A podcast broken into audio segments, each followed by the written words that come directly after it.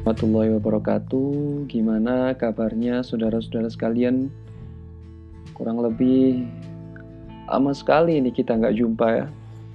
Jadi belajar mandiri di rumah membuat kita kadang bosan, kadang juga butuh hiburan. Namun terlepas dari itu semua, kita wajib bersyukur kepada Allah atas apa yang telah diberikan. Keadaan yang seperti ini tentu perlu kita syukuri dan perlu kita pelajari. Nah, untuk tahun 2021 ini kita akan belajar mengenai pernikahan. Semenjak terciptanya Nabi Adam alaihissalam, naluri cinta pada dasarnya bersemayam dalam lubuk hati setiap anak manusia.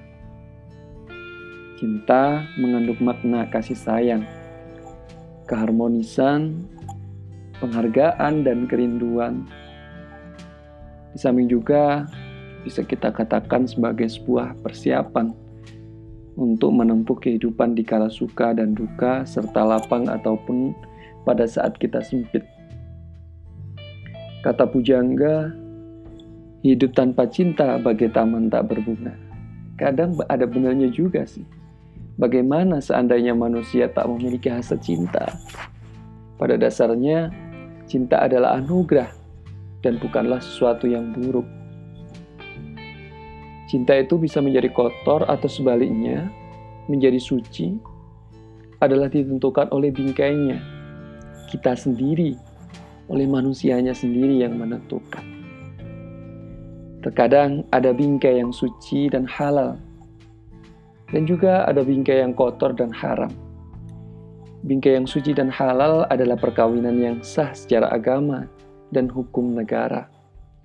Sedangkan bingkai yang kotor dan haram adalah perzinaan atau kita katakan itu adalah free sex atau cinta-cinta terlarang lainnya yang muncul di era modernisasi yang kita hidup saat ini.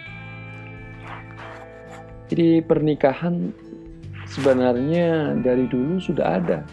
Sudah menjadi kebiasaan para nabi, para wali, ulama-ulama, orang-orang soleh, sampai saat ini kita semua.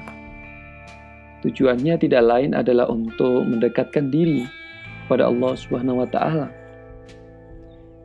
Pernikahan dalam ajaran Islam dinilai sebagai sebuah aktivitas dari peribadatan yang penuh kenikmatan sekaligus memperoleh ganjaran. Maka sering kita dengar itu uh, malam Jumat, malam Jumat. Nah, malam kenikmatan. Ya. Sering kita dengarkan yang seperti itu. Lucu sekali kadang. Jadi Islam mengajarkan demikian sebab sebagai agama yang fitrah, Islam tidaklah membelenggu perasaan manusia. Islam tidaklah mengingkari perasaan cinta yang tumbuh pada diri seseorang. Agama Islam justru mengajarkan manusia untuk menjaga perasaan cinta yang harus dirawat, dilindungi dari kehinaan yang mengotorinya. Islam membersihkan dan mengarahkan perasaan cinta untuk diwujudkan secara kuat. Sebagaimana disebutkan di dalam surat Ar-Rum yang sudah kita baca di awal kemarin. Di ayat 21 di sana disebutkan wa min ayatihi an khalaqalakum min anfusikum azwaja.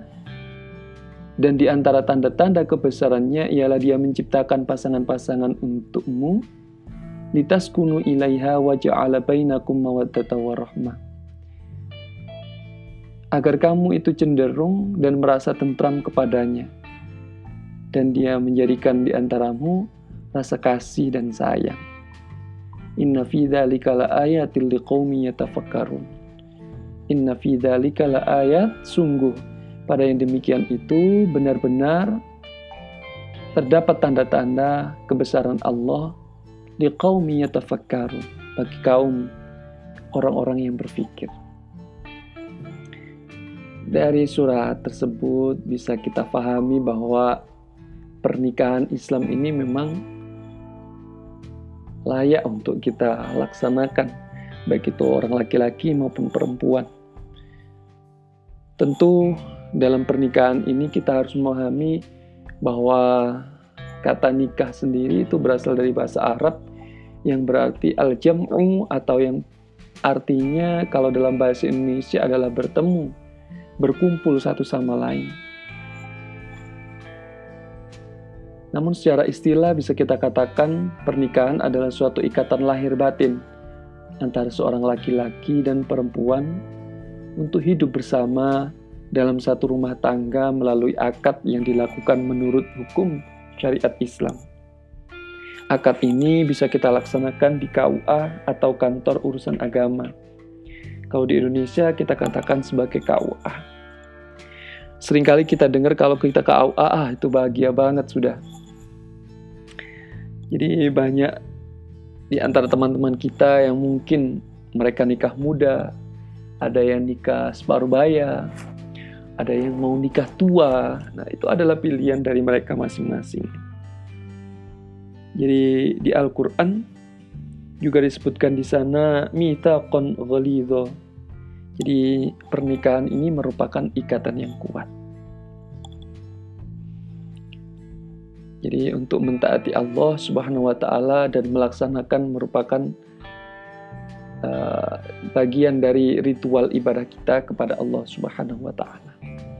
Sementara itu, kalau kita menganut hukum undang-undang di Indonesia, pernikahan perkawinan juga diatur dalam Undang-Undang Nomor 1 Tahun 74, yaitu tentang perkawinan.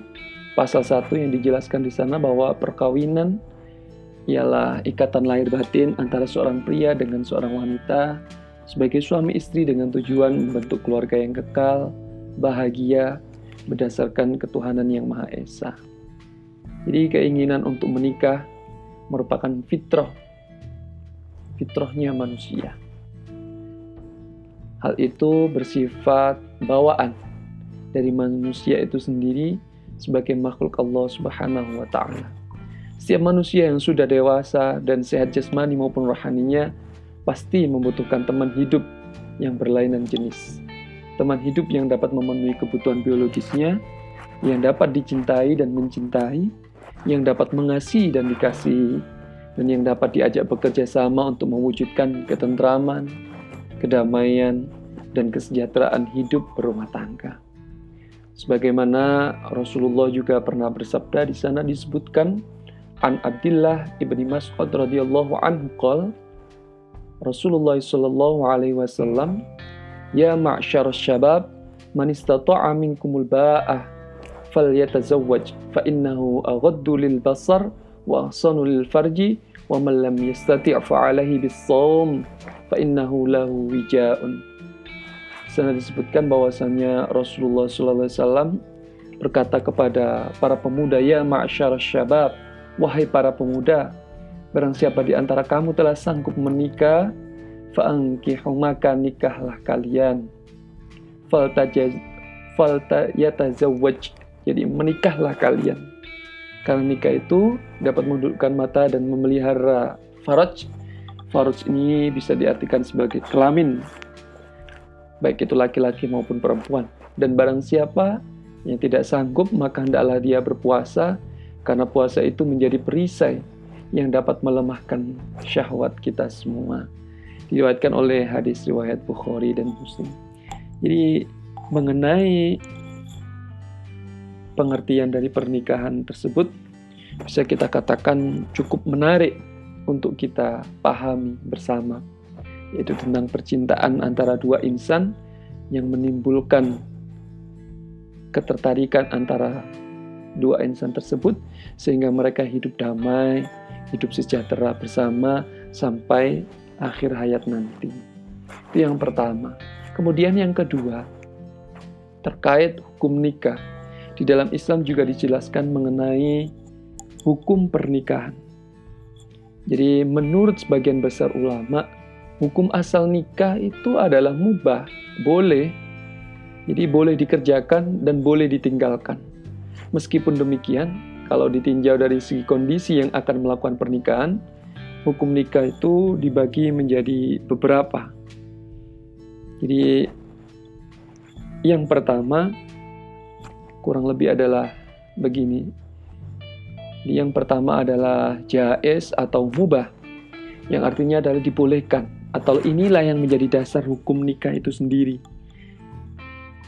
Artinya, bagi yang mereka yang telah memenuhi syarat, maka ia diperbolehkan menikah. Kemudian hukum yang kedua, yaitu adalah wajib. Jadi, ketika seseorang itu telah mampu atau sanggup untuk menikah, maka apabila dia tidak menikah, dikhawatirkan ia akan terjerumus ke dalam perzinaan. Nah, jadi hal-hal yang seperti ini, maka hukumnya wajib bagi seseorang tersebut. Kemudian dijatuhi hukuman sunnah yang ketiga.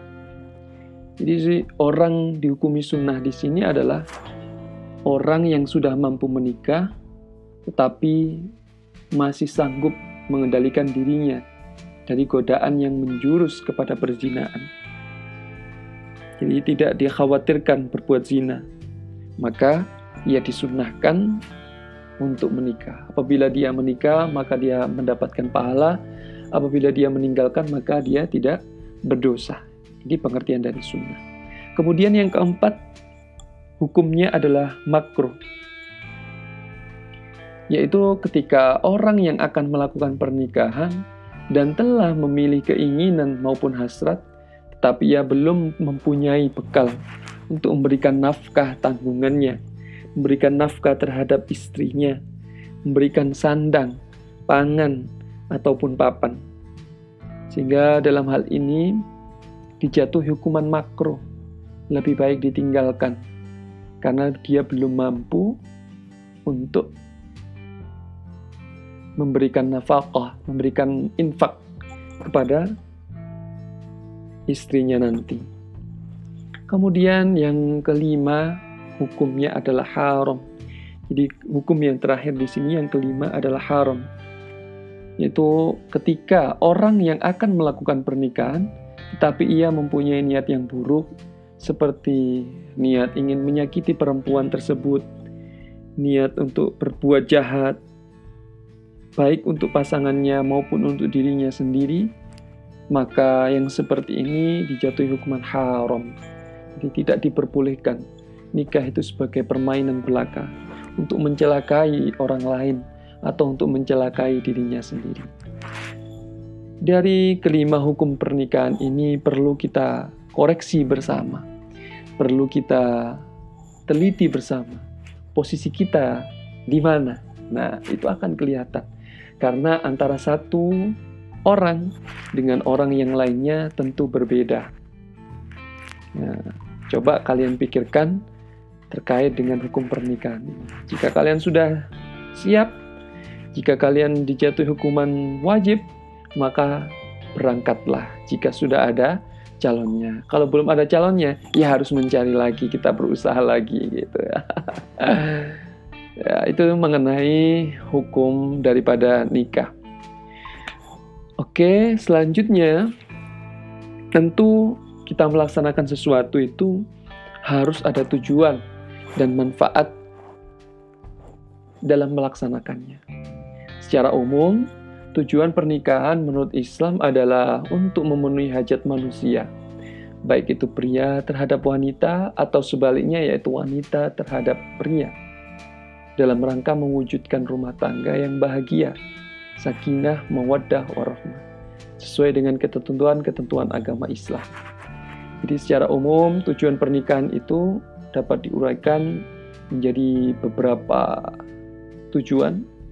Di antaranya itu yang pertama, tentu kalau kita membahas mengenai pernikahan tadi di awal, pengertiannya adalah untuk memperoleh cinta, bahagia dunia akhirat, maka tujuan yang utama adalah untuk memperoleh kebahagiaan dan ketenangan hidup. Makanya sering kita mendengar sakinah, mawaddah, dan warahmah.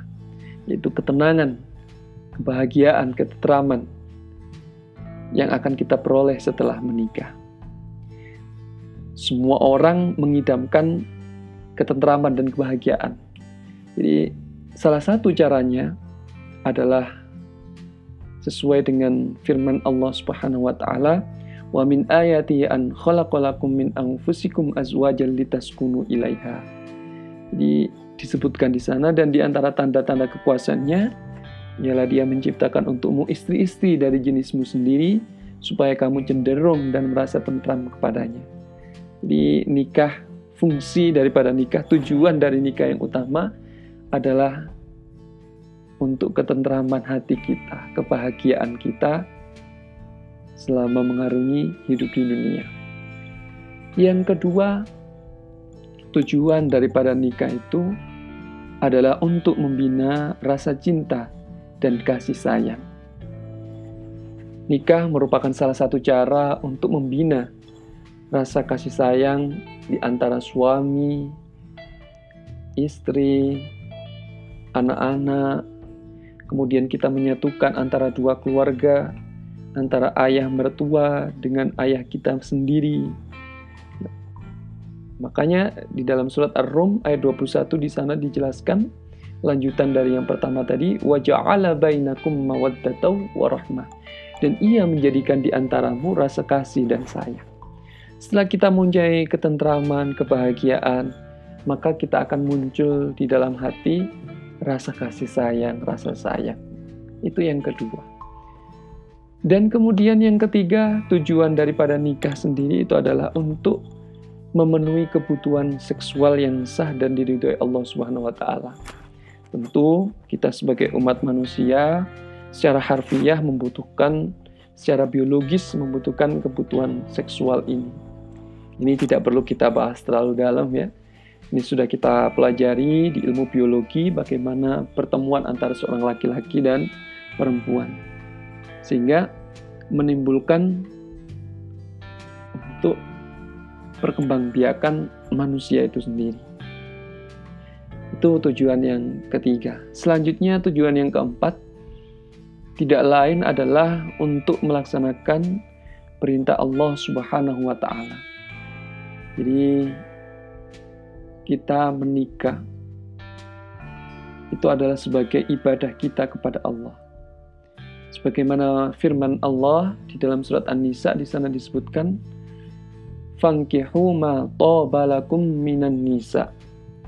Maka nikahilah perempuan-perempuan yang kamu sukai. Ini di ayat 3 sudah dijelaskan. Jadi kita diutus oleh Allah untuk menikah. Kita disuruh oleh Allah untuk menikah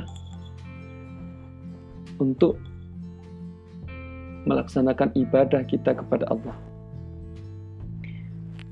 Jadi tujuan yang keempat di sini adalah kita beribadah kepada Allah melalui pelaksanaan pernikahan ini. Kemudian yang kelima tidak lain setelah kita melaksanakan perintah Allah maka kita juga akan melaksanakan atau mengikuti sunnah Rasulullah Shallallahu Alaihi Wasallam. Rasulullah SAW mencela orang yang hidup membujang dan beliau menganjurkan seluruh umatnya untuk menikah. Sebagaimana sabdanya beliau di dalam hadis disebutkan di sana, "An-nikahu sunnati famar raghiba an sunnati falaisa minni." an nikah itu adalah sunnah. Jadi nikah itu adalah sunnahku kata Rasulullah. Faman roghiba an sunnati falaisa minni. Dan barang siapa tidak senang dengan sunnahku, maka bukan golonganku. Nah, ini salah satu dari peringatan keras untuk kita semua mengikuti sunnahnya, yaitu terkait dengan perni pernikahan. Jadi kalau dalam ilmu fikih itu selain hifduddin menjaga agama, hifdzul nasl, menjaga keturunan, hifdzul akal, hifdzul mal. Pernikahan itu juga bisa kita katakan menjaga harta kita, menjaga keturunan kita. Maka mengikuti sunnah Rasul ini adalah menjadi tujuan yang kelima. Selanjutnya tujuan yang terakhir yang bisa saya berikan di sini dan masih banyak tujuan-tujuan yang lain sebenarnya, tapi saya berikan cuma tujuh di sini yaitu untuk memperoleh keturunan yang sah. Yang sudah saya sebutkan tadi terkait dengan hifdun nas. Al-mal wal banuna zinatul hayatid dunya. Dalam Al-Kahfiyat 46 di situ disebutkan harta dan anak-anak adalah perhiasan kehidupan dunia. Jadi perlu kita memang menjaga keturunan untuk memperoleh keturunan yang yang sah di antara keduanya. Nah, itu terkait dengan beberapa materi yang kita bahas hari ini terkait dengan pengertian pernikahan, hukum pernikahan, tujuan pernikahan itu sendiri. Untuk selanjutnya nanti akan kita lanjutkan di minggu berikutnya. Terima kasih telah mendengarkan podcast ini. Semoga bermanfaat bagi kita semua dan dibukakan pintu hati kita untuk saling mencintai antara satu dengan yang lainnya. Tentu harus dengan cara yang halal. Terima kasih. Assalamualaikum warahmatullahi wabarakatuh.